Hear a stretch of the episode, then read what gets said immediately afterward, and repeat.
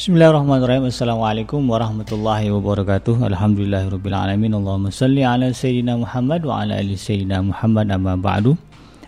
Berjumpa kembali di udara di gelombang 1044 AM Aidin Radio Successful Muslim Family dalam uh, program rutin kita setiap hari yaitu program Ngaji Proham di mana kita akan sama-sama menghadiri uh, majelis ya pengajian yang akan diisi oleh uh, guru-guru uh, kita dan pada hari ini kita akan mendengarkan kajian dari guru kita Al-Ustaz Abdullah Haidar LC dengan uh, tema masih melanjutkan tema sebelumnya yaitu silsilah uh, rukun iman. Dan kali ini adalah bagian keempat.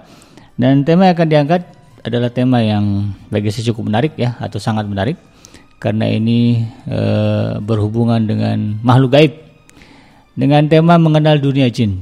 Baik, tidak berlama-lama kita akan mendengarkan kajian ulasan dan uraian tentang uh, tema kita hari ini yaitu silsilah arkanul iman bagian keempat dengan tema mengenal dunia jin dari Al Ustaz Abdullah Haidir uh, dan kepada beliau kami persilakan. Silakan Ustaz. Assalamualaikum warahmatullahi wabarakatuh. Bismillahirrahmanirrahim. Alhamdulillahirabbil alamin.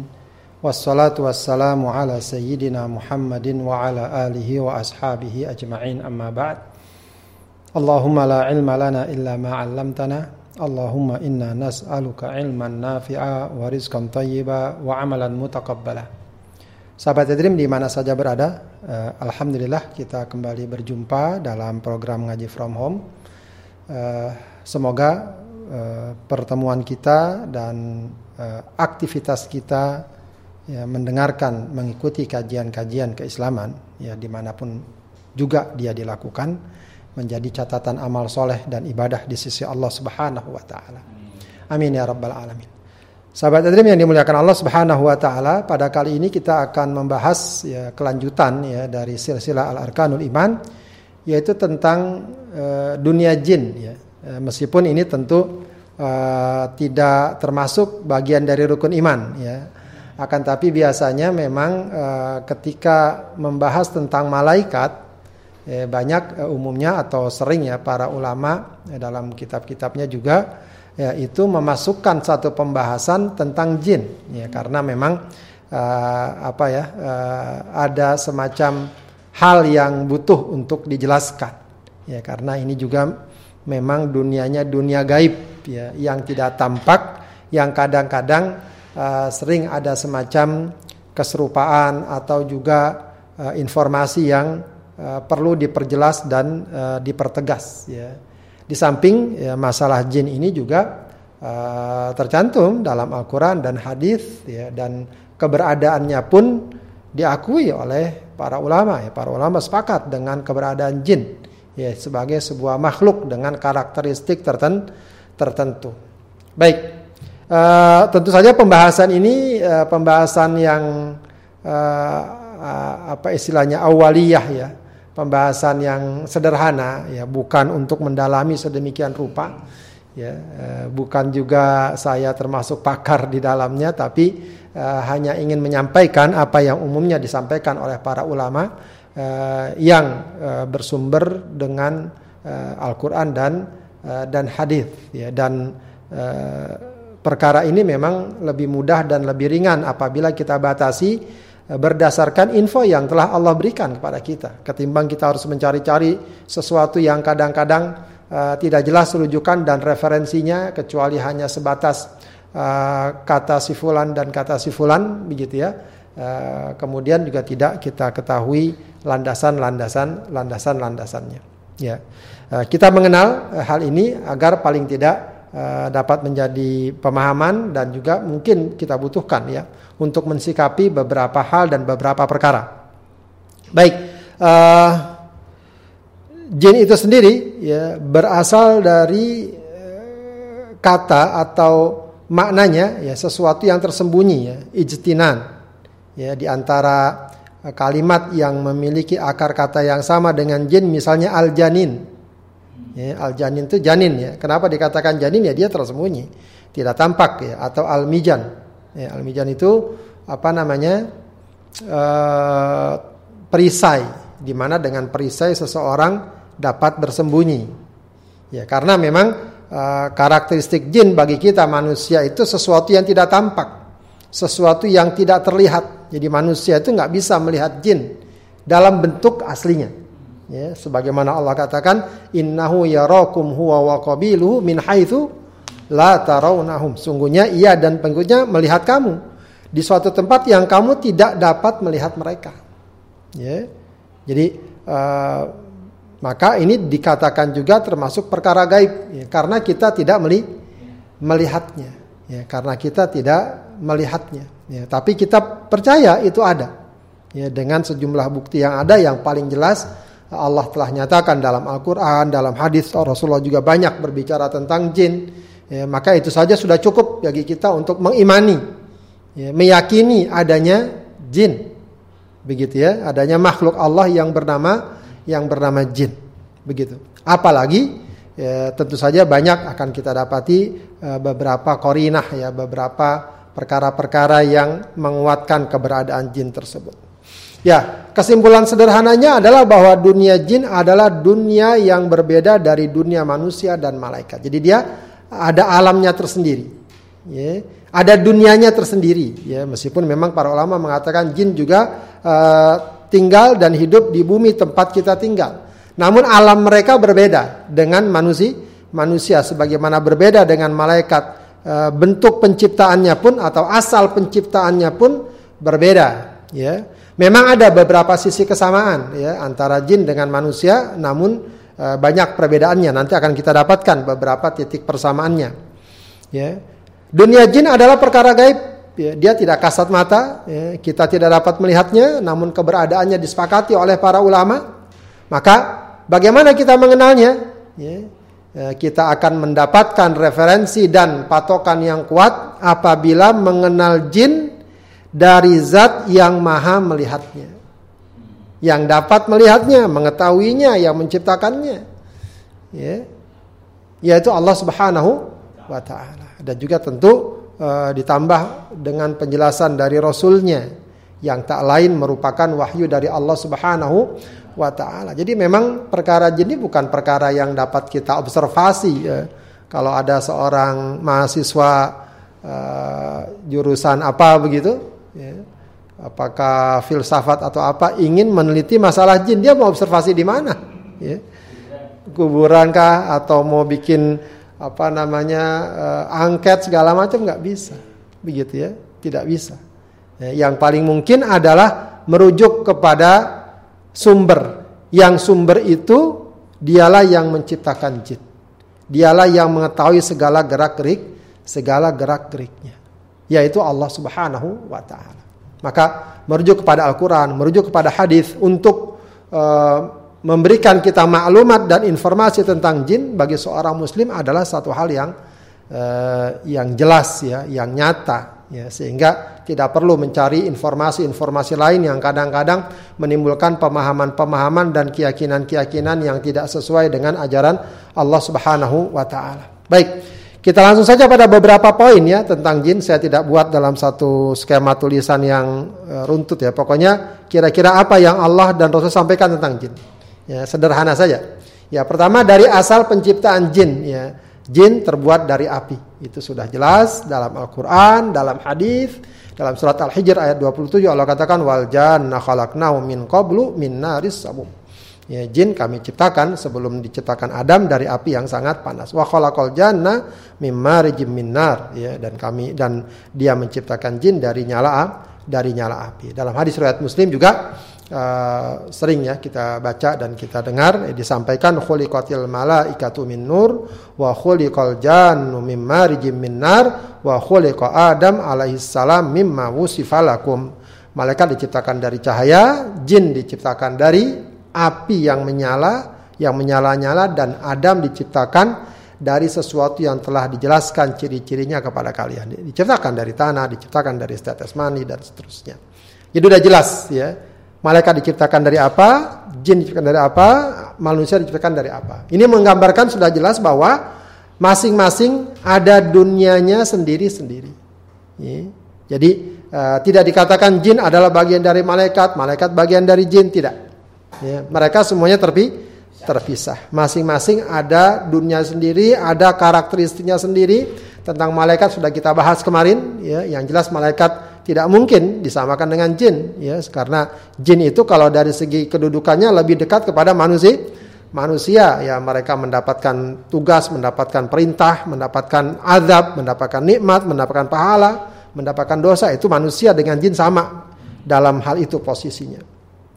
Baik, dari ayat yang tadi juga disimpulkan bahwa jin diciptakan lebih dahulu dari manusia. Wal janna khalaqnau min qablu min naris samu. Ya, dan jin ya kami ciptakan ya, sebelum diciptakannya Adam dari api yang sangat panas. Jadi penciptaan jin sudah ada. Ya, dan kalau kita merujuk misalnya bahwa iblis sudah ada di surga ketika Allah perintahkan malaikat untuk bersujud kepada Adam, ya, ya berarti menunjukkan bahwa jin sudah sudah ada. Ya, bahkan uh, salah satu pemahaman ya kenapa malaikat ketika Allah katakan ya wa id qala rabbuka lil malaikati inni ja'ilun fil ardi khalifah. Ya, aku akan ciptakan uh, manusia ya sebagai khalifah. Apa jawab malaikat? Ataj'alu may yufsidu fiha wa yasfikud dima. Apakah engkau ya Allah ciptakan akan ciptakan di bumi itu siapa yang akan membuat kerusakan dan menumpahkan darah. Ini banyak pertanyaan. Ini kok malaikat bisa ngomong begini? Begitu ya. Kan manusia belum ada. Ya, sampai kemudian ada yang membuat sebuah kesimpulan barangkali sebelum Nabi Adam ada manusia, gitu ya. Yang itu kemudian dibawa-bawa oh kalau begitu teorinya siapa? Darwin benar mungkin sebelum Adam ada manusia yang mungkin kera atau apa begitu. Nah, di antara penafsiran malaikat para ulama, kenapa kok malaikat bisa berbicara seperti itu? Salah satunya adalah pengalaman mereka terhadap jin. Jadi jin itu sudah Allah ciptakan dan hidup di bumi. Nah, rupanya jin itu satu sama lain sering berarti bertikai dan lain sebagainya sehingga Allah perintahkan malaikat untuk mengatasi mereka dan kemudian uh, ya diriwayatkan. Ini ini banyak riwayatnya. Kemudian jin digiring ke sebuah pulau yang terpencil ya yang kemudian ada yang mengatakan itu pulau segitiga bermuda segala macam.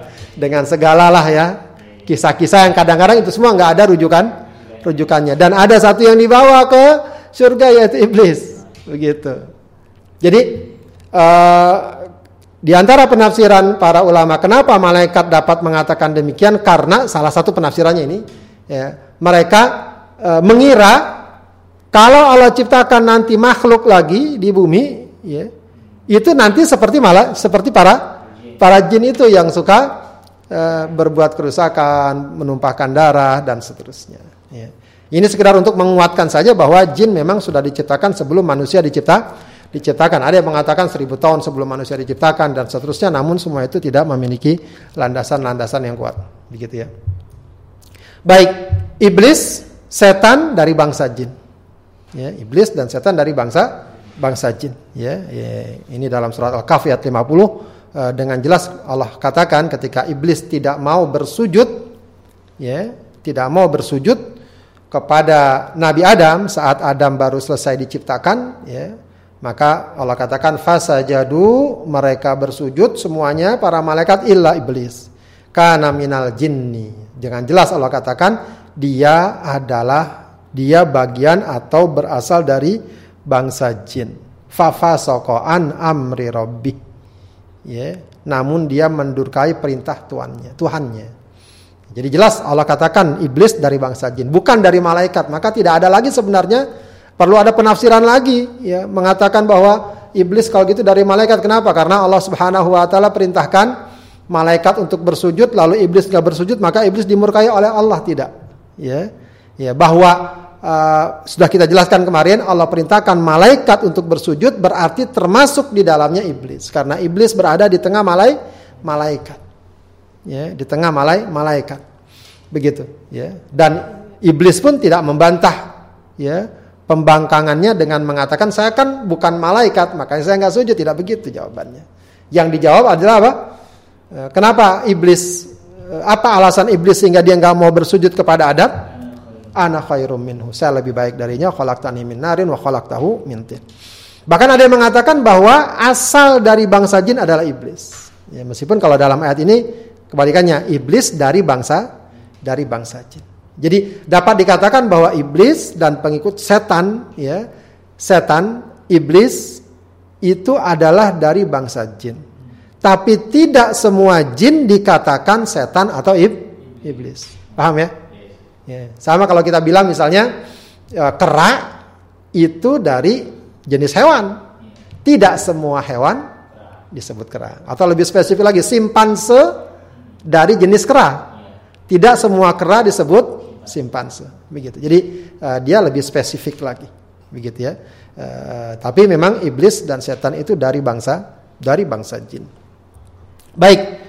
Bentuk penciptaan jin bagaimana? Bagaimana dia bentuknya? Tidak banyak penjelasan yang rinci. Yang ada memang beberapa ayat menyimpulkan bahwa apa namanya uh, jin uh, punya akal. Jadi jin diberikan akal juga. Dari mana ayatnya? Walaqad darokna li jahannama katsiran minal insi wal jinni. Lahum qulubun la yaqiluna biha.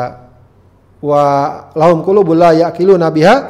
Wa ayunun la yubsiruna biha. Wa adhanun la yasmauna biha. Ya, mereka punya akal tapi nggak dibuat untuk uh, apa namanya menerima uh, apa namanya uh, uh, menerima dan memikirkan ya kekuasaan Allah Subhanahu wa taala tidak punya mata tidak mau uh, melihat kekuasaan Allah telinga tidak mau mendengar kekuasaan Allah Subhanahu wa taala.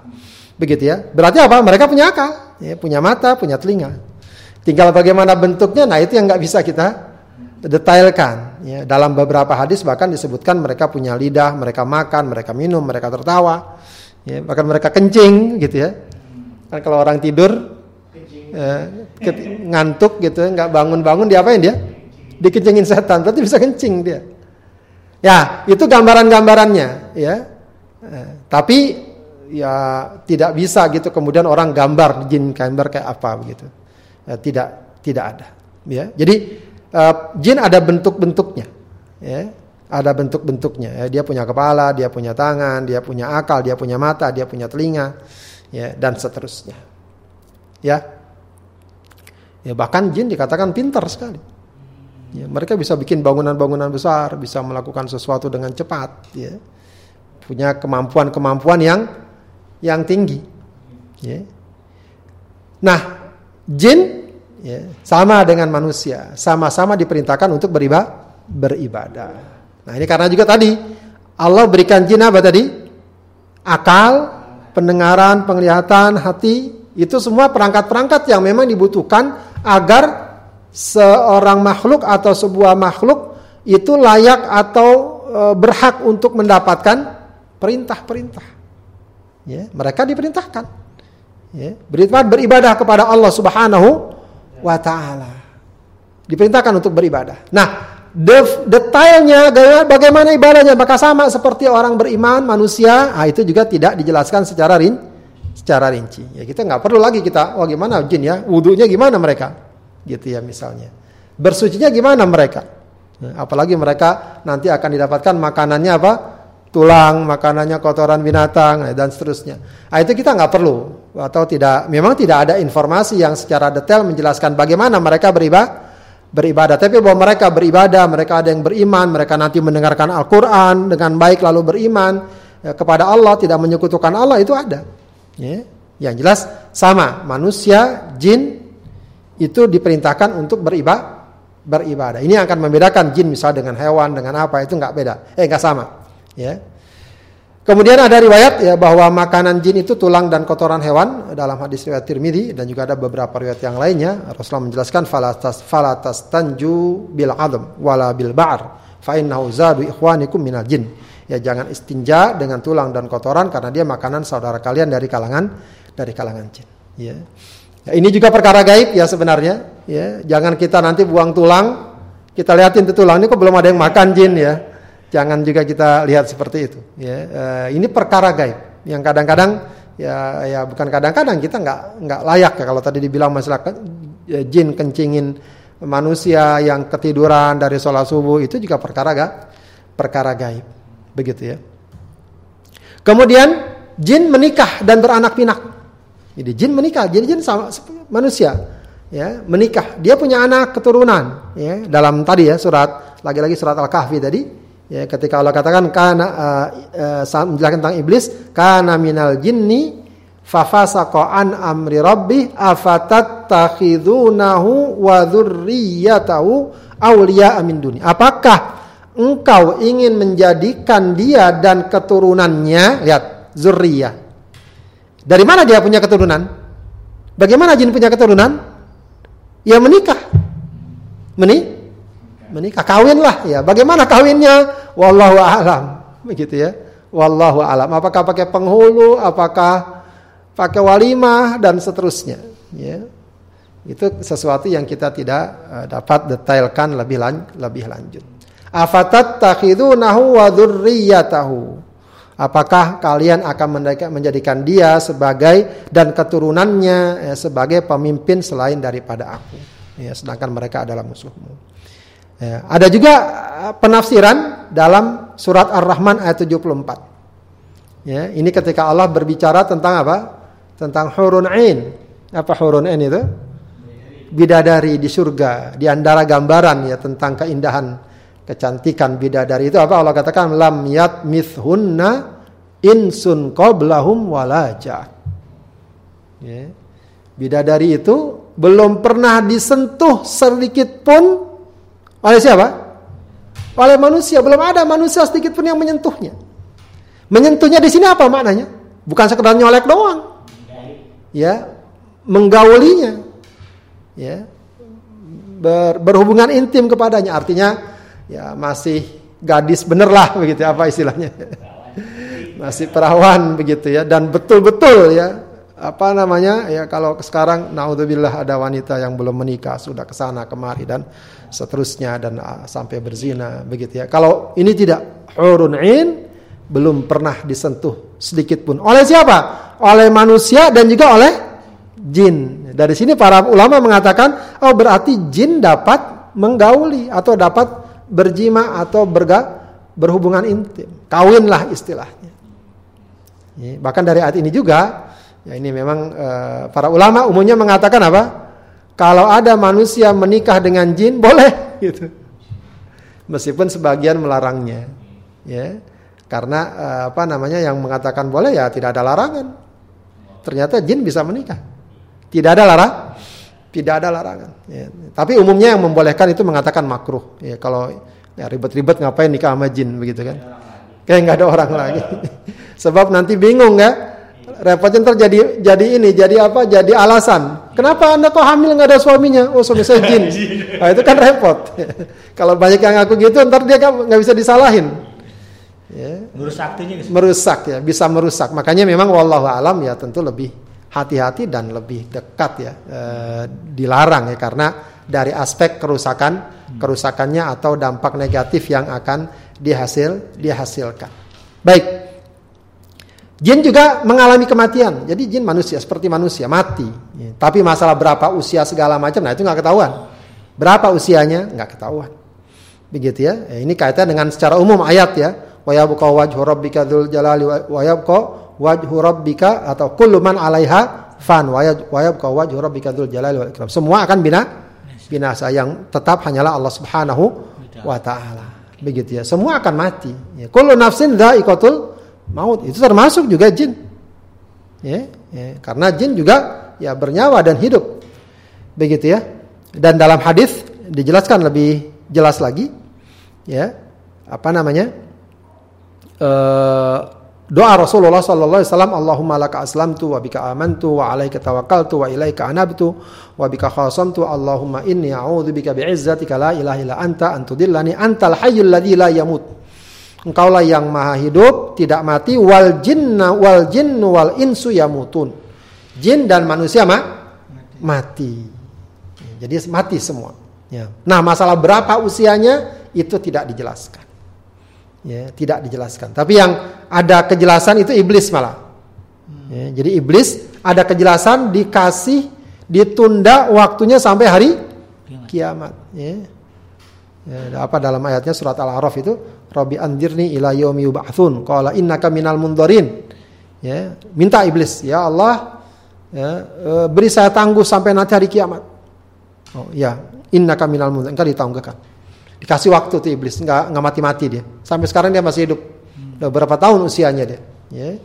Sampai sekarang dia dia ada, meskipun tidak kelihatan. Ya, tapi yang lain sama dia, mati. Ya mati beranak pinak, mati beranak pinak.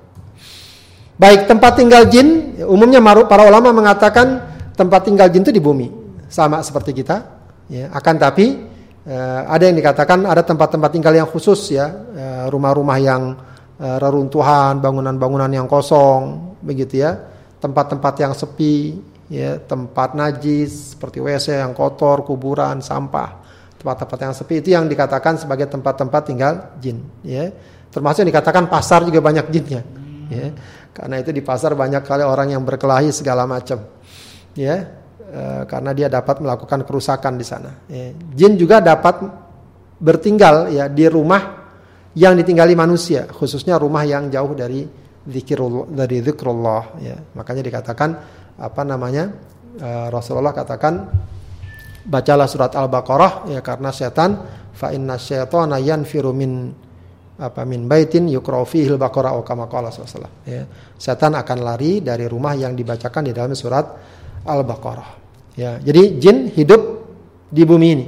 Ya, cuma di mana persi mereka di tempat-tempat sepi dan seterus dan seterusnya. Ya, makanya juga uh, para ulama mengajarkan kalau kita misalnya ada tempat yang jarang dilalui, ya, maka kita hendaknya ya bukan numpang-numpang ya kalau di zaman kecil dulu kalau kita lewat di tempat sepi kita bilang numpang-numpang. Ya, hmm. kalau seorang muslim tidak ya. Hendaknya dia bertawud, berlindung kepada Allah Subhanahu wa taala. Ya, dan juga diingatkan kalau misalnya buang air panas, buang apa, jangan ke lubang-lubang atau ke tempat-tempat tertentu kecuali baca bismil, baca bismillah, berlindung kepada Allah Subhanahu wa taala. Ya, khawatir di situ nanti ada jin terganggu lalu dia nah. mengganggu manusia, mengganggu manusia. Baik, jin Allah berikan kekuatan kemampuan yang tinggi, bergerak dengan cepat ya. Ya, kita tahu bagaimana kisah uh, Nabi Sulaiman. Ya, Nabi Sulaiman bagaimana kisahnya? Ya, ketika menawarkan kepada warganya siapa yang bisa mendatangkan singgasana Bilqis, Ratu Bilqis. Apa apa yang dikatakan oleh jin wa qala ifritum minal jin. Ya, jadi di antara jin yang dikenal itu di antara namanya ifrit. Makanya orang sering bilang oh itu kayak ifrit. Apa maksudnya kayak ifrit itu? Cepat ke sana kemari. Di sini ada, di sana ada begitu ya. Di sana nongol, di sini nongol. Dibilang wah ente ifrit ente begitu ya kalau bahasa gitu. Apa kata ifrit kepada Nabi Sulaiman? Ana ati kabi qabla antaku mamin makomik. Aku dapat membawa singgasana tersebut sebelum kamu bangun dari singgasanamu sudah ada. Wa inni alaihi laqawiyyun. Amin. Aku kuat lagi dipercaya. Jadi iblis itu dikenal punya gerak yang cepat, ya, yang kuat, begitu ya.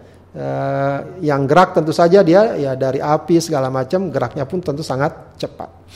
Ya, dalam surat yang lain ayat Sabah ayat dua, uh, surat Sabah ayat 12 juga digambarkan bagaimana iblis ya digambarkan wa minal jinni man ya'malu baina yadayhi bi'idni rabbiha wa man yazik minhum an amrina nudzikhu min adzabis ya. Uh, apa namanya? Dan dari kalangan jin ya uh, ada yang uh, bekerja uh, di hadapannya ya uh, di di depan Nabi uh, Sulaiman alaihissalam atas izin Tuhannya. Ya, jadi apa namanya uh, mereka diberikan kemampuan dan kekuatan yang sangat yang sangat besar. Ya. Dan setan, jin, ya termasuk setan ya di dalamnya, setan bagian dari jin itu dapat masuk lewat pembuluh darah manusia. Lewat pembuluh darah, pembuluh darah. Artinya dia bisa masuk lewat sela-sela uh, kehidupan manusia atau dalam tubuh manusia. Dia bisa ma ini memang di, diperdebatkan ya, tapi para ulama umumnya mengakui bahwa ada yang namanya kerasukan jin itu ada.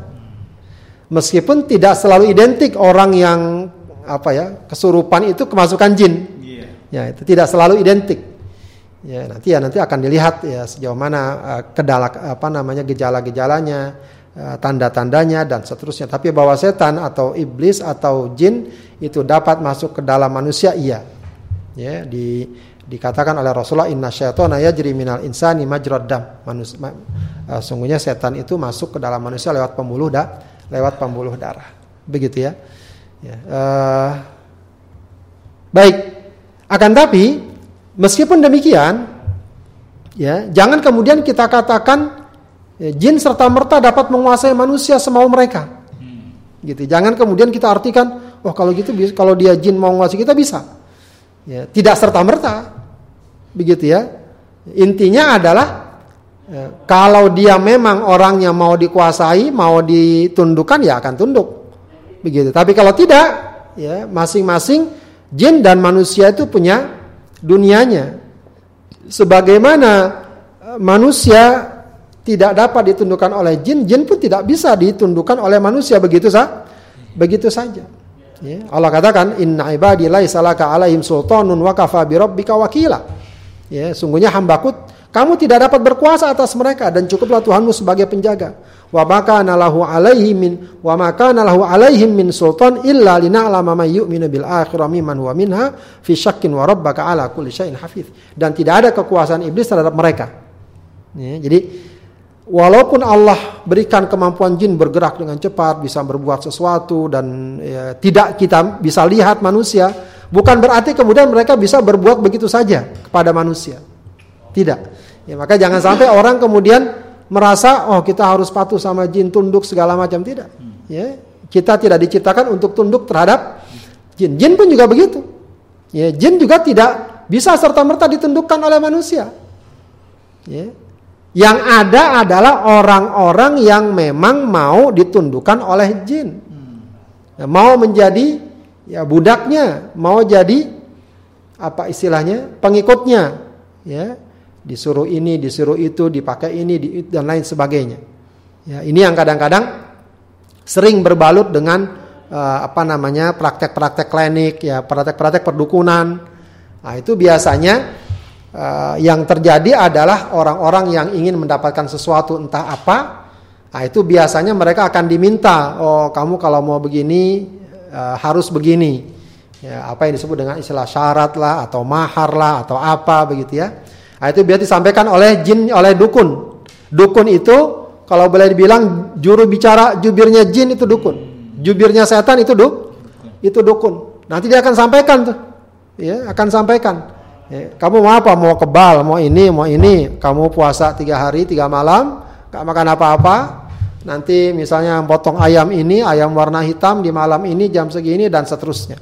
Macam-macam nanti syaratnya. Nah kalau orang ikut dengan petunjuk itu begitu saja, nah itu dia sedang eh, mau dengan sukarela ditundukkan oleh oleh jin. Ya, ditundukkan oleh oleh jin. Sehingga kadang-kadang ada istilah apa yang suka di tengah masyarakat punya khodam, punya apa istilahnya, pasukan jin segala macam. Wallahu alam itu tidak kita temukan ya referensi-referensinya. Ya, ada dia punya khodam pelayan dari kalangan jin. Ya, apakah benar jin itu bisa ditundukkan begitu? Ya sebab para ulama mengatakan yang memang bisa menundukkan jin itu hanya satu. Nabi Allah Sulaiman alaihissalam. Nah dia memang bisa menundukkan jin. Allah kasih dia kemampuan dan kekuatan kekuasaan untuk itu. Ya, tapi manusia tidak. Ya, jadi kalaupun ada orang mengaku punya khodam dan seterusnya, itu sesuatu yang sangat patut dipertanyakan. Jangan-jangan yang jadi khodam dia sama jin, bukan jin jadi khodam di, jadi khodam dia. Ya bisa saja jin memenuhi segala keinginannya kalau dia juga memenuhi keinginan jin tersebut. Jin tersebut. Ya, jadi intinya kita dengan jin gak ada nggak ada apa istilahnya, nggak ada permasalahan. Ya, kita nggak harus menundukkan mereka, mereka nggak harus menundukkan kita. Apalagi kalau kita selalu berzikir pada Allah, dekat dengan Allah, dekat dengan Allah. Insya Allah jin tidak mudah mengganggu begitu saja manakala kita dekat dengan Allah Subhanahu Wa Taala dan kita hilangkan keyakinan-keyakinan syirik, ya keyakinan-keyakinan yang biasanya ditawarkan oleh dukun dan lain sebagainya. Baik, Jin juga wajib beribadah ya sudah kita katakan tadi dan juga ada balasannya ada surga ada neraka. Jadi neraka selain manusia juga ada jin ya dalam surat As-Sajdah ya walakin haqqal qaulu minni la amla anna jahannam minal jinnati wal wan nasi ajma'in. Ya, aku akan penuhi neraka jahanam dengan jin dan manusia bersama. Jadi jin juga nanti disiksa juga. Ya, sehingga unik ya, dia terbuat dari api dan siksa neraka dari dari api begitu. Ya. Bagaimana wallahu alam? Yang jelas Allah Maha Kuasa. Ya, Allah Maha Allah Maha Kuasa. Ya. Bahkan ada dikatakan ada rasul dari kalangan jin, bukan ada rasul untuk jin. Yang jadi permasalahan apakah rasulnya manusia atau dari jin juga. Ya, dalam surat Al-An'am ayat 30 Allah katakan ya ma'syarul jinni wal insi alam ya'tikum rusulum minkum. Bukankah telah datang pada kalian rasul dari kalangan kalian. Nah, dari kalangan kalian ini sebagian ulama mengatakan dari kalangan jin. Ya, dari kalangan dari kalangan jin. Ada yang mengatakan tidak, rasul e, bagi mereka khususnya setelah masa Rasulullah SAW adalah Rasulullah. Sebab Rasulullah diperintahkan sebagai rahmatan lil alamin dan dalam banyak riwayat disebutkan dalam beberapa riwayat jin ikut mendengar bacaan Al-Qur'an Rasulullah SAW ikut e, bertanya ikut mengaji lah bahasa kita sekarang begitu ya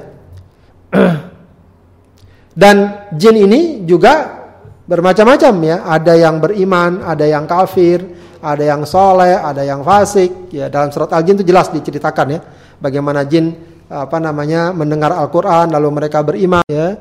Mereka juga mengaku wa anna minna salihun wa minna duna dzalik. Ya, di antara kami ada yang soleh, ada yang enggak gitu. Wa anna minnal muslimuna wa minnal qasitun.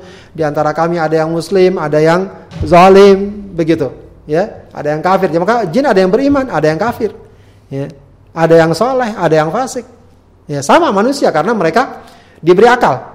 Ya, mereka diberi akal, diberi hati pendengaran. Maka sebagaimana manusia ada yang menerima ayat-ayat Allah, beriman kepada Allah, ada yang fasik, ada yang durhaka, ada yang bahkan memerangi. Jin juga seperti itu.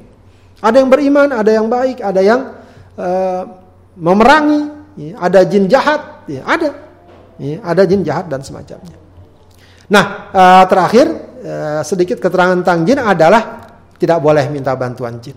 Ya, ini yang kadang-kadang agak berat ya, sering terjadi terjadi. Ya wa annahu kata Allah wa annahu kana rijalun minal insi ya'uduna birijalim minal jinni fazaduhum rahaqa. Ya dan bahwasanya ada beberapa orang laki-laki dari dari manusia minta perlindungan kepada beberapa laki-laki dari kalangan dari kalangan jin maka jin-jin itu menambah sekedar menambah mereka dosa dan kesalah dan kesalahan ya, dan kesalahan. Maka uh, dari sini para ulama umumnya melarang manusia untuk minta bantuan jin, berinteraksi dengan jin, ya karena memang rawan dengan kemungkinan penyimpangan. Ya, walau dikatakan oh itu kan jinnya muslim, ya. Pertama siapa yang bisa memastikan ente bahwa itu jin muslim? Emang ada KTP-nya?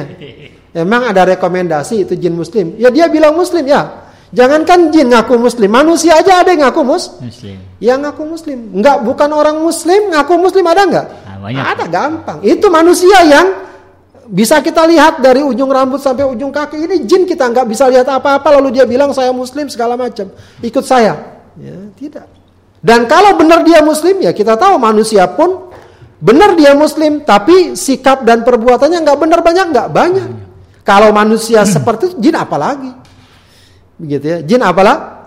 Apalagi. Jadi jangan kemudian orang merasa oh dia kan jinnya muslim, jinnya baik segala macam. Maka kalau apa-apa kita minta bantuan dia, tidak.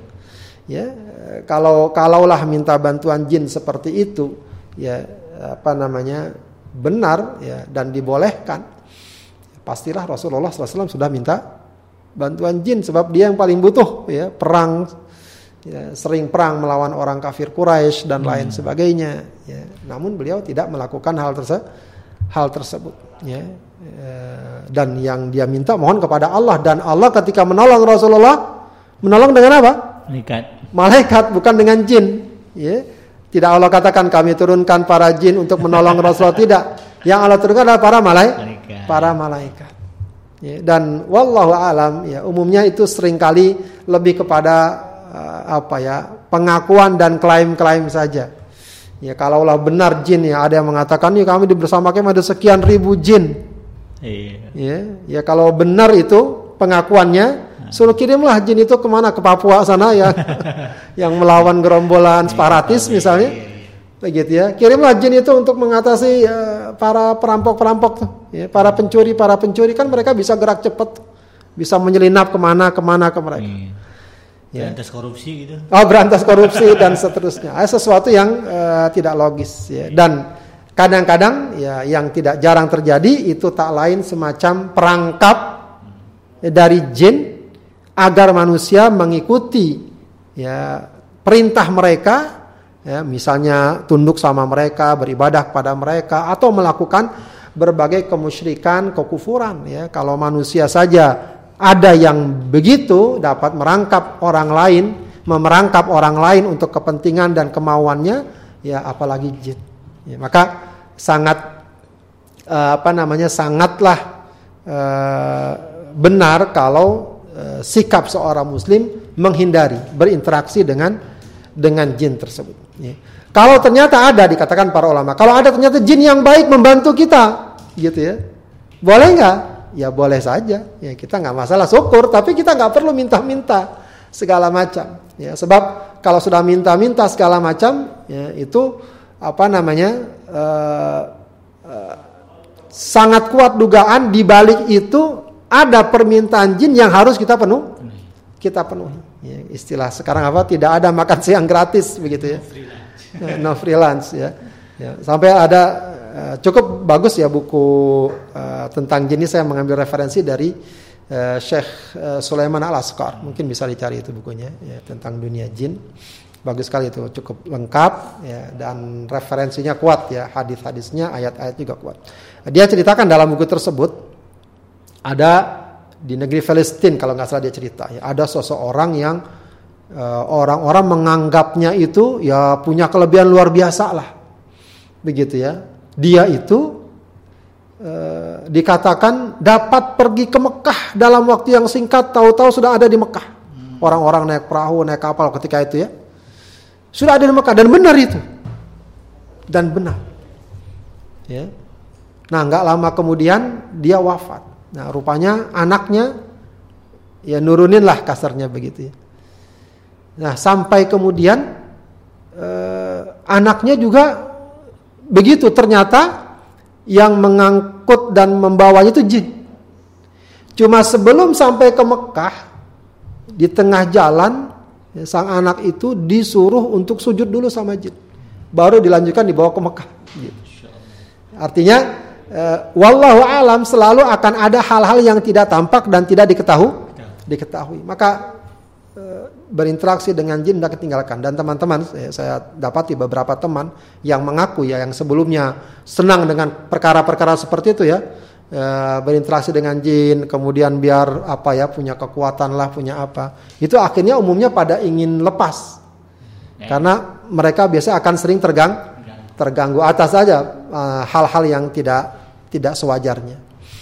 Nah inilah uh, Bapak Ibu sekalian, sahabat Adrim yang dimuliakan Allah Subhanahu Wa Taala, apa yang saya dapat sampaikan ya terkait dengan masalah uh, alam jin ya, yang sebenarnya bukanlah sesuatu yang sedemikian rupa ya. Kemarin ada yang bilang, wah ini harus ditonton nih katanya, karena ada hal-hal yang ingin dia ketahui. Bukan yeah, sesuatu yeah. yang uh, yang rahasia. Yeah, yeah. terdapat dalam Al-Qur'an terdapat dalam hadis ya, dan kita mensikapinya pun hendaknya sewajarnya. Tidak berlebihan. Kita tidak mengingkari perkara-perkara tentang jin selama itu memang disebutkan dan dinyatakan dalam Al-Qur'an atau hadis. Namun jangan berlebihan juga. Seakan-akan jin uh, bisa menguasai kita atau kita bisa menguasai jin itu itu tidak.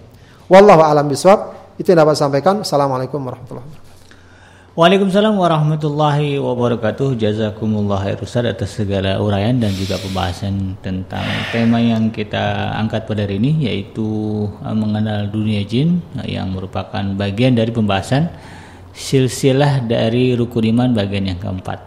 Untuk itu bagi Anda sahabat Edrim sekalian. Baik Ustaz, sambil menunggu pertanyaan dari jamaah, mungkin masih ada yang mikir-mikir gimana nanya sama Ustaz ya. Ini saya wakilkan dulu lah beberapa pertanyaan. Yang pertama Ustaz, apa hukumnya bila ada orang yang tidak percaya kepada jin sebagaimana umumnya uh, uh, keterangan syariat? Misalnya karena dia eh, jin kan tidak bisa dilihat, bisa bisa apa uh, atau katakanlah dia punya pemahaman lain tentang jin yang boleh dikatakan ya kepercayaannya kepada jin itu tidak sama. Hukumnya apa? Ustaz? Ya, uh, perkara ini harusnya dilihat secara utuh ya. Hmm. Uh, perkara jin sudah jelas disebutkan dalam Al-Quran, hmm. disebutkan dalam hadis. Para ulama juga tidak ada yang membantah tentang keberadaan jin. Hmm. Kecuali ada beberapa perkara-perkara yang detail ya di bawah hmm. itu. Hmm. Begitu ya. Kalau misalnya ada ulama yang uh, tidak percaya bahwa ada orang bisa kerasukan jin itu ada memang. Tapi bahwa jin itu ada, tidak ada yang membantah. Ya. Nah, ini tentu dia harus luruskan ya sikap dan keimanan yang benar itu bagaimana misal terhadap Al-Quran. Ya, di antara sikap yang benar terhadap Al-Quran, iman terhadap Al-Quran nanti kita akan bahas ya. Iman kepada Al-Quran, iman kepada Rasul. Di antaranya adalah kita membenarkan, ya, mengimani apa yang disampaikan oleh Al-Quran. Al-Quran. Hadis juga begitu. Ya. Termasuk keimanan kepada Rasul bukan cuma sekedar kita taat apa yang Rasul perintahkan kita lakukan, hmm. tidak. Ya, di antaranya adalah para ulama mengatakan tasdiqu ma akhbar membenarkan apa yang diberita diberitakan dan disampaikan walau kita mungkin belum tahu kita kan nggak tahu apa yang Rasulullah uh, apa maksudnya maksudnya apa yang Rasul sampaikan dulu sebelumnya masa nabi-nabi sebelumnya masa Rasulullah kita kan nggak tahu tapi kita iman karena yang menyampaikan Rasulullah, Rasulullah. nanti pun akan Rasulullah akan gambarkan ada uh, misalnya asyratus sah al kubro munculnya Dajjal, hmm. turunnya Nabi Isa, yeah. ya, uh, nanti hari kiamat dengan segala kejadiannya, itu bagaimana kita bisa mengetahui? Ya, bagaimana kita bisa memastikan kebenarannya? Hmm. Ya. Kita hanya bisa memastikan kebenarannya karena kita telah beriman kepada roh Rasul dengan segala argumen dan dalilnya. Artinya kalau ada seorang misalnya, saya nggak percaya adanya jin, nggak bisa kelihatan. Hmm. Baik, anda di mana dengan ayat Al-Quran? Bahkan ada surat yang namanya surat Al-Jin. Al-Jin. Lengkap Allah bahkan jelaskan bagaimana diciptakan, dari apa diciptakan, ada beberapa perkara yang jelas. Anda mau taruh mana itu ayat atau bahkan surat Al-Quran? Hmm. Ya. Kalau begitu Anda juga akan misalnya, oh kalau gitu dia nggak bisa percaya dengan hari kiamat. Dari mana dia bisa memastikan kebenaran hari kiamat? Iya. Ya. Kecuali bahwa memang sudah disampaikan oleh Al-Quran dalam hadis tentang hal tersebut. Jadi eh, perkara adanya jin ini, ya meskipun dia memang bukan rukun iman, tapi tetap harus diimani, gitu ya. Karena memang sudah jelas adanya. Dan uh, bukan hanya kaum muslimin saya kira perbincangan tentang jin juga sudah dikenal di masyarakat tuh. Masyarakat umum ya, ya. banyak film tentang jin misalnya. Iya. dan seterusnya. Jadi imannya rusak apa gimana Bis, ya rusak dari sisi dia tidak beriman kepada Al-Quran atau kepada hadis. Karena beriman pada Al-Quran dan hadis maknanya di antaranya adalah mengimani apa yang dapat mengimani apa yang disampaikan oleh Al-Quran dan hadis. Begitu ya. Wallahu a'lam. Jadi uh, kalau begitu bilang udah bilang cacat iman ya. Bisa begitu. Iya, cacat imannya, makanya uh, kita ini lagi. Baik Ustaz, ini sudah ada rentetan pertanyaan. Yang pertama dari akun atas nama uh, Ibu Riano Fria ya Ustaz. Tadi kan disinggung terkait dengan ayat yang dalam surah Al-Jin bahwa ada segolongan laki-laki meminta pertolongan kepada segolongan laki-laki dari jenis jin. Nah pertanyaannya kalau dukun perempuan minta tolongnya ke jin yang mana nih?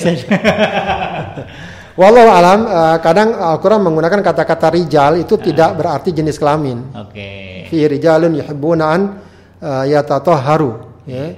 Uh, apa namanya? Uh, di sana ada laki-laki yang suka bersuci, bukan laki-laki dari jenis kelamin, yeah. tapi orang-orang yang rijal biasanya lebih ditunjukkan kepada untuk menunjukkan apa namanya ke kejantanan atau oh, kekuatan dan semacamnya, begitu ya. Jadi uh, tidak harus kelamin atau kalaupun memang menunjukkan laki-laki, secara umum ya, perintah atau ayat yang di, menggunakan bahasa muzakkar hmm. termasuk di dalamnya perempu, perempuan, kecuali ada perkara-perkara yang mengkhususkannya. Hmm.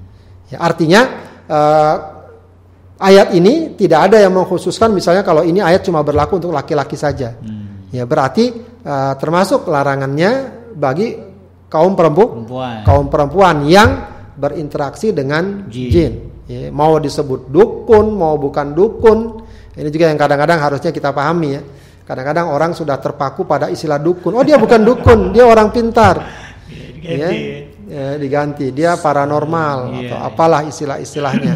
Uh, bukan sebutannya memang yang jadi patokan. Bagaimana uh, terapinya bagaimana uh, prakteknya. Hmm. Kalau ternyata prakteknya mengandung praktek-praktek klinik, ya dia berinteraksi dengan jin dan seterusnya, ada sesuatu yang mungkin harus dia lakukan, ada syarat-syaratnya dan lain sebagainya, mau dibilang paranormal, mau dibilang orang pintar atau apa pun, ya maka ya, itu intinya dukun begitu ya, hmm. kahin atau arraf kalau dalam bahasa dalam bahasa hadis. Ya, wallahu a'lam. Atau kebalikannya, nah. ada yang disebut dukun tapi bukan dukun. Ya, kalau di kampung ada dukun beranak misalnya. ya, itu ada bukan dukun. Jadi, dukun. Dukun ya. Bisa jadi begitu. Iya, iya, iya. Wallahu a'lam. Ya, jadi begitu ya Bu ya, uh, sama lah. Jadi istilah laki-laki di dalam yang ayat itu tidak merujuk kepada laki-laki saja, tetapi juga kepada perempuan karena itu perbuatan. Uh, lanjut ke pertanyaan berikutnya. Ini ada pertanyaan dari akun atas nama Dede Kurniasi. Ustaz, apakah kalau sunnah-sunnah kebersihan jelang tidur itu uh, tidak dilakukan tidak dilakukan, ini bisa diganggu jin. Satu Ustaz. Yang kedua, kalau ada anak laki-laki yang susah diarahkan atau pasangan suami istri yang sering berselisih, apakah ada kemungkinan uh, juga ada gangguan dari jin? Ya, uh, sunnah dalam tidur untuk bersih segala macam hmm. itu umumnya masuk dalam perkara adab ya. Hmm. Ya, ya wallahu alam bisa jadi juga itu bagian dari upaya kita untuk menghindar dari gangguan jin. Tapi yang paling kuat untuk masalah ini adalah zikrullah ya. Hmm. Ya, perkara yang paling dapat membuat kita terlindung dan terhindar dari gangguan jin adalah zikrullah. Maka uh, diriwayatkan atau disebutkan dalam hadis kalau orang masuk rumahnya berzikir pada Allah jin gak bisa masuk ya. Dan kalau kita ya maaf nih kalau suami istri berhubungan lalu kita berzikir maka uh, jin tidak bisa atau setan tidak bisa ikut bersama bersama kita. Hmm. Ya, jadi uh, yang paling kuat bagi seorang untuk menghindari dari gangguan jin adalah zikrullah. Itu yang paling yang paling kuat. Bahwa dia memang harus membersihkan diri, apakah mungkin berwudu, tempat tidurnya dibersihkan, disingkap-singkap begitu ya. E, bisa jadi e, itu juga bagian dari upaya untuk menghindarkan kita dari gangguan dari gangguan jin. Tapi yang paling utama adalah adalah zikrullah. Wallahu a'lam. Zikrullah ya. Nah, tadi kan uh, itu satu uh, pertanyaannya ada ada gak kemungkinan uh, gangguan jin gitu Ustaz. Nah, ini ada pertanyaan lagi Ustaz. Uh, senada tetapi agak sedikit berbeda. Dari akun atas uh, di nomor handphone di 0877 8 sekian sekian sekian. Assalamualaikum Ustaz, ada adakah cara bagaimana melihat seseorang terpengaruh jin atau tidak? Hmm. Karena dalam beberapa literatur orang yang malas beribadah juga termasuk terpengaruh oleh jin. Ya, ya tadi juga ada pertanyaan tadi ya terkait hmm. dengan anak ribut ya sengketa ya. Iya. Ya itu mungkin saja ada, ya mungkin sekali ada ya, gangguan jin dan lain sebagainya. Makanya kemudian memang diajarkan untuk melakukan rukyah ya kalau memang ada hal-hal yang dirasa unik gitu ya atau aneh ini kok orang kita kalau masuk rumah kok suasana kayak nggak nyaman, panas atau bawaannya ya gerah atau apalah ya pengen marah-marah dan seterusnya atau juga bisa jadi ada orang merasa berat sekali untuk beribadah dan seterusnya. Bisa jadi ya, ada gangguan jin meskipun bukan cuma itu ya. Jadi jangan sampai kemudian orang melimpahkan segala sesuatu dengan jin. Gara-gara jin gitu ya. Gara-gara jin bisa jadi karena dia kurang juga membekali dirinya, kurang pandai berzikir, nggak mau ngaji, nggak mau ada kemauan, ada juga. Jadi uh, semuanya bisa diterapi ya semua bisa diterapi. Kalau kita lihat dokter saja sebenarnya e, ketika ada orang mengeluh sakit, hmm. itu kan kadang-kadang mereka juga apa dalam uh, ya masih meraba-raba dulu ini apa nih masalahnya kan? Diagnosa dulu. Diagnosa dulu. Kadang-kadang dikasih obat ini, oh ini masih ini, kasih obat ini gitu kan? Yeah. Nah kita juga harusnya kayak gitu juga. Mungkin uh, ada masalah kejiwaan, ada masalah psikologi, ada masalah lingkungan, ada masalah juga memang gangguan tuh ada bahwa manusia ini ini memang perlu ada nanti mudah-mudahan lain waktu ya. Ada kita minta pakarnya untuk berbicara ya untuk Wah, tentang siap. tentang gangguan jin tuh insya Allah banyak teman-teman ya. Tentang gangguan jin itu pasti akan banyak. Ya uh, nanti kita coba lah ya. ya. Itu ada bahwa itu ada. Cuma memang jangan sekali-kali segala sesuatu dilimpahkan itu semua. Iya. Ini gara-gara jin nih ganggu nih saya jadi rumah tangga saya berantakan. Padahal bisa jadi karena dia juga nggak benar ngurusin rumah tangga rumah tangga. Jadi semua aspek coba di, dihadirkan ya. Uh, apakah dari aspek kesehatannya, medisnya kalau orang kena penyakit ya dari medisnya bisa. Ya atau juga dari ya faktor yang lain ya gangguan jin memang ada juga. Ya, ada kemungkinan ada kemungkinan. Ya. Tapi masalah gangguan jin kan sederhana.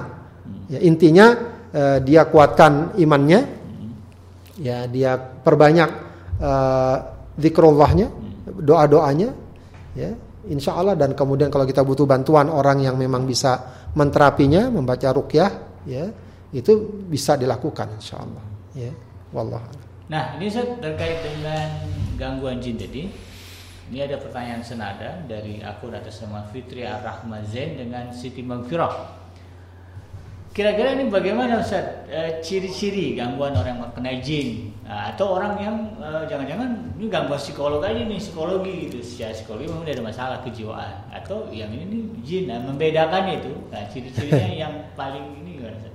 Ya Allah alam kadang-kadang bisa jadi kalau bagi kita ya kalau saya juga terus terang bukan orang yang mendalami masalah-masalah seperti ini uh. ya uh, secara umum ya tidak bisa ditangkap ya begitu saja. Akan tapi biasanya memang uh, orang yang terkena gangguan jin itu uh, uh, sulit ditelusuri ya sebab-sebab umumnya yang makin yang masih bisa ditelusuri. Okay. Artinya misalnya suami istri nggak ada masalah apa-apa, kok tiba-tiba istrinya jadi males sama suami jadi apa ya? Ya katakanlah istrinya cantik, suaminya ganteng misalnya. Uh, mereka hidup bahagia. bahagia biasa saja kebutuhan ter ter terpenuhi. Nggak ada orang ketiga nggak ada apa.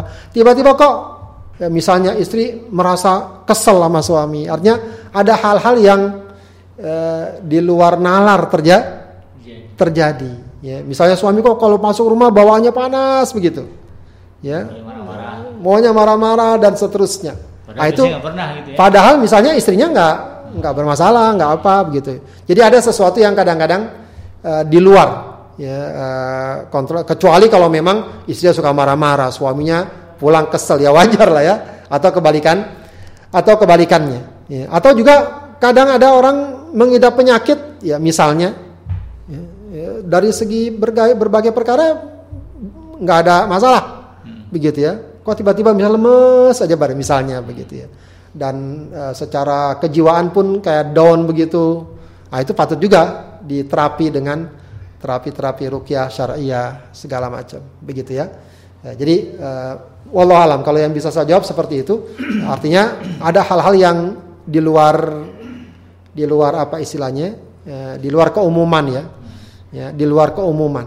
Ya, kalau karena faktor lain biasanya ketahuan itu kan. Bisa ditelusuri kalau soal uh, soal kejiwaan misalnya. Karena dia mungkin depresi karena mungkin stres ya kadang kerjaannya kadang pergaulannya dan seterusnya begitu ya. Kalau rumah tangga misalnya karena memang masalah ekonomi katakan dia habis PHK dan seterusnya dan banyak. Ya, itu bisa di kalau bahasa yang ramai sekarang bisa di tracing. Yeah. Ya, bisa dicari. Tapi kalau ini kadang-kadang enggak tiba-tiba begitu saja. Ya, wallahu a'lam. Baik sahabat Adrim nanti deh kalau uh, ini kan lebih ke praktek. kalau ini ini cuma mengenal saja. Kalau saya tadi kan apa sekedar bicara pengenalan dan beliau juga bukan praktisi yang uh, yang biasa beru, apa, berinteraksi dengan dia. Nanti kita akan coba bahas dengan manajemen di iDream apakah bisa mendatangkan pakar yang memang biasa uh, berhubungan ya atau katakanlah ada apa namanya pekerjaan di bidang rukyah dan sebagainya. Nanti kita akan coba bahas. Mudah-mudahan ya ada izin dari Allah Subhanahu wa taala. Nah, Ustaz, kita beralih ke pertanyaan berikutnya dari akun atas nama Didi Gumbira. Apa hukumnya orang yang ini saat uh, eh, melakukan berbagai praktek dengan tujuan untuk melindungi diri dari gangguan jin tetapi tidak sesuai dengan syarat seperti misalnya ada yang bilang nanam pohon bidara di depan rumah biar jin nggak masuk ke rumah atau pakai apa uh, yang jelas sih nggak ada tuntunan syariat Ustaz. Nah, ini kira-kira gimana? Uh, walau alam kalau memang uh, referensi itu uh, cukup kuat misalnya ada katakanlah kalau tidak salah wallah alam ya ini patut nanti dilihat lagi ya. Terkait daun bidara itu banyak para ulama yang memang memberikan rekomendasi. Nanam kalau daun bidara. Termasuk mungkin wallah alam ya. Kalau nanam pohonnya mungkin juga kali ya. Nanti kita cari lah ya. ya kalau daun bidara ini kan sering juga eh, eh beberapa para ulama umumnya menyertakan daun ah. bidara ini untuk kepentingan-kepentingan bisa rukyah kadang-kadang uh, dimasukkan daun bidara dan lain sebagainya. Ya, uh, ala kulli hal uh, apa namanya itu bisa juga masuk dalam masa uh, permasalahan tajribiyah ya kalaupun memang boleh dikatakan demikian ya uh, asalkan kita tentu mengaitkan semua itu kepada uh, kekuasaan Allah Subhanahu wa taala. Iya. Mengaitkan itu semua kepada kekuasaan Allah Subhanahu wa taala di mana itu adalah syarat-syarat atau cara-cara yang dapat dilakukan. Ya, sepanjang tidak menjurus kepada perbuatan-perbuatan klinik ya, ya meyakini misalnya bahwa itu ada kesaktiannya, bahwa itu ada uh, mujarabnya dan lain sebagainya atau Hmm. misalnya orang menyimpan jimat agar terhindar dari jin dan sebetulnya Iya. dan sebagainya. Itu yang kayak-kayak seperti itu hendaknya memang dijauhi. Ya, hal-hal seperti itu hendaknya dijauh, Iya. dijauhi begitu ya. Kalau daun bidara mungkin patut nanti kita Cari eh, referensinya cari lagi ya. referensinya lagi. Karena itu memang sering disebutkan ya untuk masalah Iya. daun bidara itu. Kan ada hadisnya juga kan gitu Ustaz. Ya. Nah Ustaz, eh, itu pertanyaan dari eh, sahabat dari sekalian yang bisa hadir ini tapi eh, kita masih menunggu kalau ada yang bertanya lagi. nah ini sambil menunggu lagi Ustaz. Eh, terkait dengan Ustaz, ada kenyataan bahwa eh, betulkah katanya orang yang bisa melihat jin di badannya ada jin?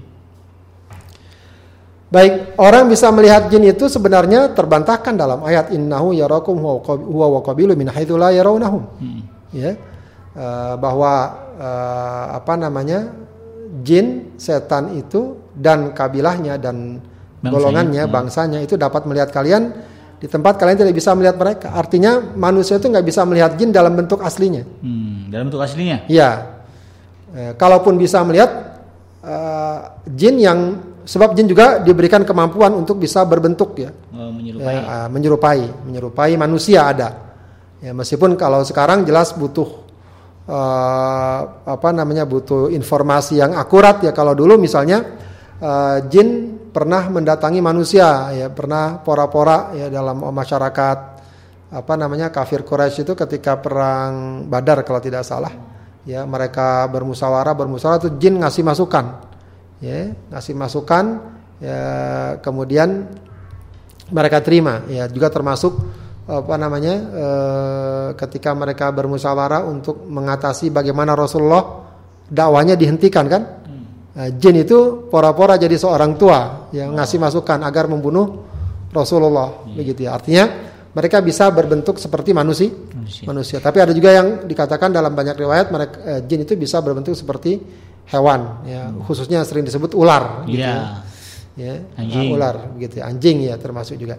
Nah eh, jadi kalau ada orang mengatakan bisa melihat jin ya pertama ya siapa yang bisa eh, mengkonfirmasi ucapannya Ya, bahwa apa yang dia sampaikan ben- Benar. benar itu pertama yang kedua eh, secara umum berdasarkan ayat tadi jin itu tidak bisa dilihat makanya itulah kelebihan jin dari manusia jin bisa melihat manusia manusia nggak bisa Iya. melihat jin. Ya, maka kalau ada orang punya pengakuan saya bisa melihat jin, ya eh, saya kira diabaikan saja.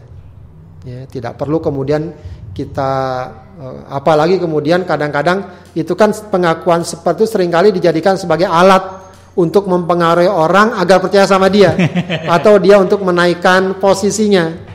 Ya, bagi orang-orang awam bisa jadi oh begitu ya, berarti dia orang hebat segala macam. Hmm. Ya, bagi kita sebenarnya orang seperti itu ya orang yang ya, ya hanya pandai mengklaim saja. Ya sebab kita tidak bisa mengetahui dan mengkonfirmasi kebenaran ucapannya. Sementara Allah mengatakan ya manusia eh, jin bisa melihat manusia manusia tidak bisa melihat melihat jin. Wallahu a'lam. Iya, Jadi eh, dalam bentuk asli tidak bisa dilihat, tapi dalam bentuk lain. eh, soalnya gini Ustaz, Eh, orang Indonesia kalau menyebut jin dalam tanda kutip hantu Ustaz, Ya. kan beda-beda tiap manusia itu. Kalau di Cina vampirnya itu kan loncat-loncat, di Ya. kita pocong, di Barat Dracula. Nah jadi ketika orang mengklaim melihat ini melihat ini, kalau di kita misalnya melihat eh, itulah bentuknya seperti pocong, itu gimana Ustaz?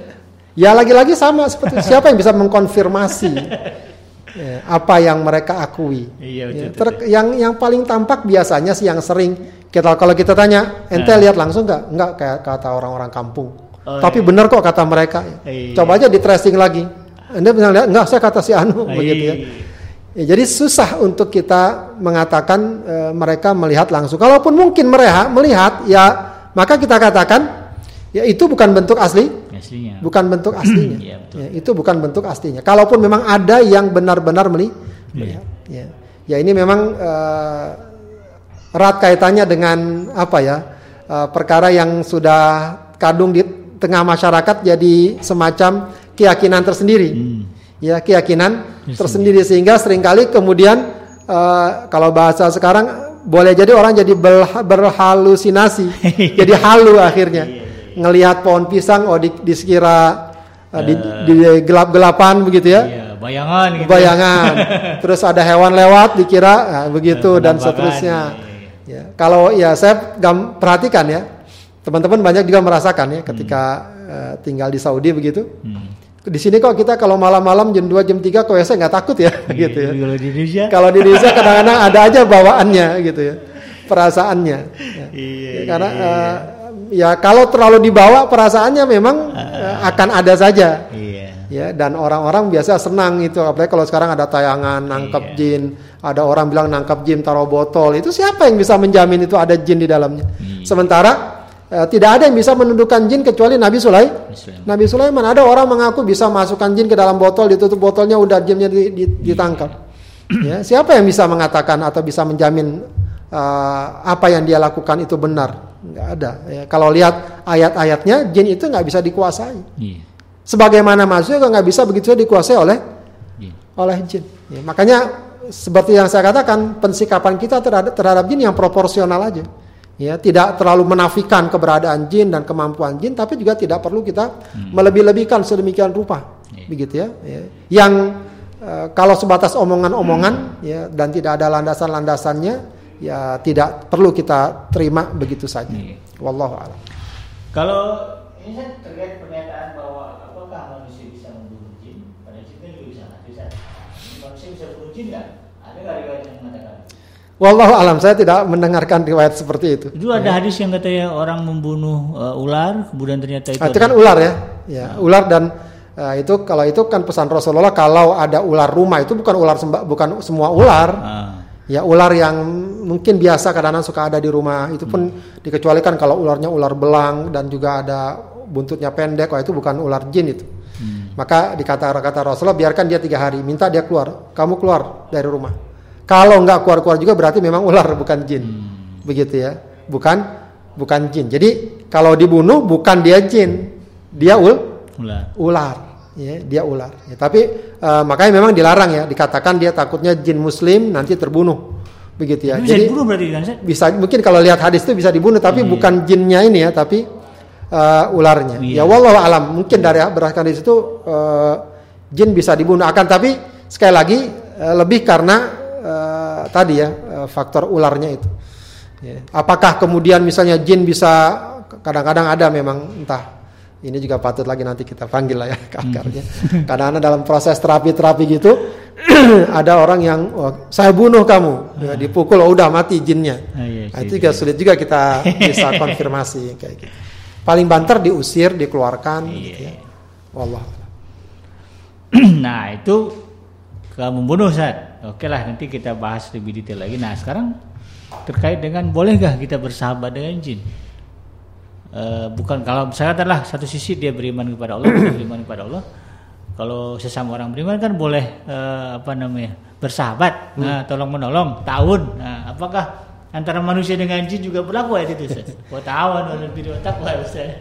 ya kembali kepada tadi minta tolong pada jin secara umum dihindari. Ah, iya. Ya karena dunianya berbeda dunianya berbeda. Ya, bersahabat juga begitu, bukan berarti kemudian lantas kita begitu saja bersahabat meskipun memang kalau diperhatikan tidak ada larangan secara khusus, tapi kaidahnya adalah menghindari mudarat ya, ya bersahabat apa tujuannya dia bersahabat dengan jin? Apakah pengen senang-senang aja atau pengen gaya-gaya saja bisa jadi lama kelamaan akan terseret dengan eh, hal-hal uh, yang tidak baik. Ya umumnya uh, ini kalau ini berdasarkan pengalaman ya teman-teman yang begitu juga berinteraksi dengan jin hmm. mereka mengatakan ada yang suasana yang tidak enak hmm, yang iya, selalu ada masalah dan lain sebagainya. Maka menghindarinya lebih lebih bagus lebih bagus dan lebih aman. Biarkan mereka di dunianya kita di dunia kita.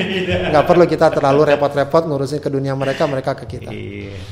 kayak kita nggak punya dunia sendiri aja ya nah ini pertanyaan saya terakhir Ustaz dari akun atas nama Dede Kurniasih. Tadi kalau tidak salah sempat dikatakan bahwa jin memiliki, memiliki akal. Apakah bedanya akal jin dengan akal kita manusia Ustaz? Kenapa? Kenapa? Berbeda, Bedanya? Adakah bedanya antara akal jin dengan akal manusia? Ketika tadi disebutkan bahwa jin ternyata juga punya akal. Kalau dari segi bentuk, wallahu alam ya penciptaan ya. Yang jelas eh, itu pasti berbeda ya karena jin dari api dan manusia dari eh, dari tanah, begitu ya. Eh, tapi eh, dari segi kegunaan ini yang yang jelas yang namanya akal adalah untuk memahami. Hmm. Ya, eh, apa namanya lahum kulubun la yafqahuna biha. Iya. Ya, yang akan disiksa itu adalah orang-orang yang punya hati, ya hati maksudnya juga akal, ya untuk memahami. Yang penting substansinya, ya dengan adanya akal itu maka dia dapat menerima ajaran Allah Subhanahu wa taala dan memahaminya. Dan karenanya jin terkena beban, ya terkena taklif dari Allah untuk apa namanya menunaikan kewajiban-kewajiban yang Allah syariat Ya. yang Allah syariatkan. Jadi substansinya sama ya untuk memahami ya dan kemudian untuk menerima ajaran Allah. Makanya dia kemudian eh, mendapatkan eh, tugas dan mendapatkan bala balasan yang baik dibalas dengan baik, yang buruk dibalas dengan buruk. Beda dengan hewan. Hewan nggak punya akal. Ya, maka dia nggak bisa memahami syariat Allah. Allah. Syariat Allah. Makanya dia nggak ada hisab buat hewan, tumbuhan dan lain sebagainya. Ya, wallahu a'lam. Baik sahabat Adrim yang dirahmati Allah di mana pun anda berada jam sudah menunjukkan pukul 17.21 ya melewati batas yang kita sepakati dan sebelum kita tutup kita dengarkan dulu closing statement dari Ustaz eh, terkait dengan tema kita hari ini yaitu mengenal dunia jin silakan Ustaz Baik, sahabat Adrim yang dimuliakan Allah Subhanahu wa taala, ya tentu saja kita kembali kepada pemahaman awal ya, pembahasan ini ini bukan berarti kita harus apa namanya sedemikian rupa terhadap jin tapi sekedar maklumat atau informasi yang dapat kita jadikan sebagai dasar ya eh, bahwa eh, ada makhluk Allah yang bernama jin yang memang sudah Allah jelaskan dalam Al-Qur'an, dalam hadis dan para ulama sepakati keberadaannya eh, dan ada beberapa poin yang memang juga Allah telah sampaikan. Maka eh, kalau kita mencukupkan diri kita apa berdasarkan yang telah Allah sampaikan, Rasulullah sampaikan, maka itu sudah sangat cukup. Ya, apa-apa yang tidak jelas bagaimana detailnya juga tidak perlu kita uh, cari lebih dalam, apalagi kalau tidak memiliki referensi-referensi dan uh, uh, apa namanya validitas yang kuat ya, kecuali hanya sekedar omongan sana sini yang kadang-kadang uh, kalau tidak hati-hati dapat menggiring pada pemahaman yang keli yang keliru. Intinya adalah uh, bersikap juga proporsional terhadap masalah jin bahwa keberadaannya tidak diingkari, tapi juga bahwa dia uh, bukan sesuatu yang dapat menguasai kita pun juga harus dipaham, dipahami. Wallahu alam bisawab. Assalamualaikum warahmatullahi wabarakatuh. Baik sahabat dan sekalian dirahmati Allah Subhanahu wa taala tetap sudah kebersamaan kita dalam program Ngaji Home di edisi hari Selasa tanggal eh, 18 Safar 2002, eh, 1442 Hijriah atau bertepatan dengan tanggal 5 Oktober 2020. Semoga apa yang disampaikan oleh guru kita bermanfaat dan bisa kita aplikasikan dalam kehidupan kita. Saya Kenji beserta kurang bertugas pamit undur dari ruang dengar Anda. Mohon maaf atas segala kehilafan dan kekurangan. Subhanaka Allahumma rabbana wa bihamdika asyhadu an la ilaha illa anta astaghfiruka wa atubu ilaik. Assalamualaikum warahmatullahi wabarakatuh.